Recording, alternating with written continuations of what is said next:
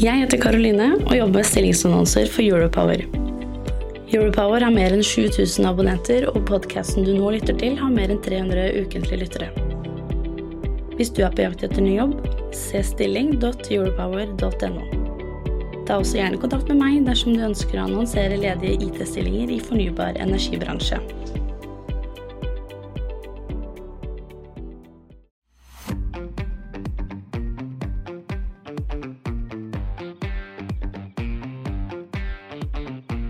Godt nytt år og velkommen til eh, Europowers strømmarkedet på tre minutter. Vi skal starte med å ta en, eh, et tilbakeblikk og se på året som har gått. Og som vi husker, så var det jo også ekstremt store svingninger i strømprisen gjennom året.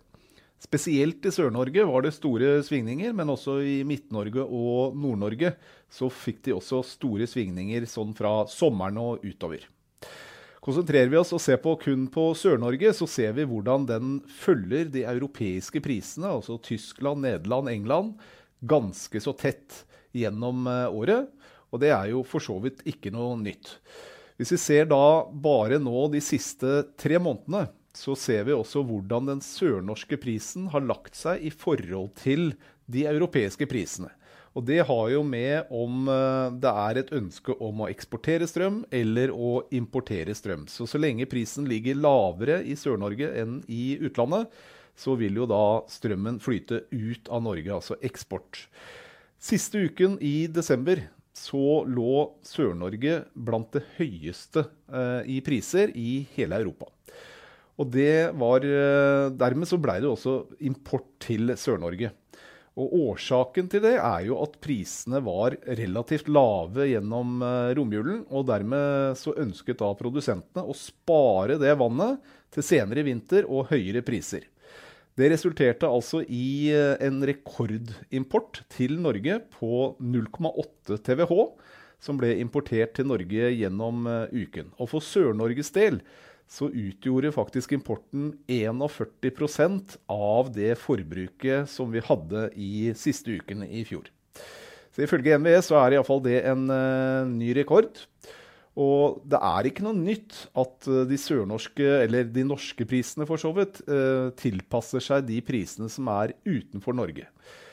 Her eh, prøver jeg å vise en uh, sammenligning mellom Sør-Norge og Tyskland helt tilbake til 2005, hvor vi ser at korrelasjonen er uh, veldig god. Vi ser noen perioder ligger Sør-Norge over, andre under. og Det er jo da kanskje i forhold til hvordan ressurssituasjonen er i Norge, og om det er et ønske om å importere eller eksportere. Og i for øyeblikket i fyllingsgradene så ligger vi nå litt under det som er normalt for eh, årstiden. Og det er jo litt under, men det er iallfall mye bedre enn det det var i høst. Og bedringen her det kan jo ha skyldes at uh, produsentene eh, fikk beskjed av myndighetene om å holde igjen vann. Men det kan også forklares med at produsentene sannsynligvis så høyere priser i fremtiden enn det de gjorde i høst. Og sånn sett så var det et ønske om å også spare vann. Ser vi litt sånn geografisk på det, så er det omtrent eh, ja, 2,5 TWh som er eh, lagret i magasinene under det som er normalt. Eh, det er et stort underskudd i Sør-Norge. Der er også den største magasinkapasiteten. I Nord-Norge der er det et lite overskudd, og de har eh, for så vidt jobbet hele året med å prøve å få ned dette overskuddet, og dermed har også fått de lave prisene som de har eh, fått. da. Fremover så ser vi det at det som vil påvirke Europa, altså gassprisen, den er på vei nedover. Nå er altså gassprisen for leveranse neste måned den er nå lavere enn det vi har sett på ett år. Vi må tilbake til september i fjor for å finne en lavere pris enn det gassen prises til akkurat nå.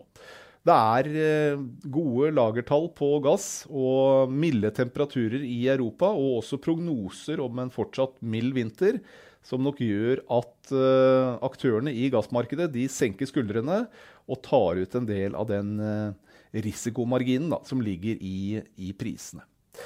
Det her det påvirker våre priser. Og slik ser altså forventningen for eh, februarprisene ut, hvis man skal da tolke markedsprisene. Og bare på én måned nå så er det altså mer enn halvering i februarprisen. Altså det markedsaktørene da handler februarleveransen for. Det kan man tolke som en samlet eh, forventning for eh, februar. Altså nå under halvparten av det den var i starten av desember. Så dette her henger sammen, og så gjenstår det bare å se hva som skjer videre. Takk for oppmerksomheten.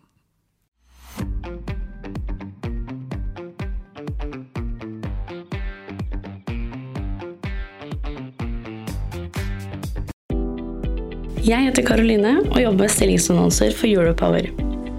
Europower har mer enn 7000 abonnenter, og podkasten du nå lytter til, har mer enn 300 ukentlige lyttere.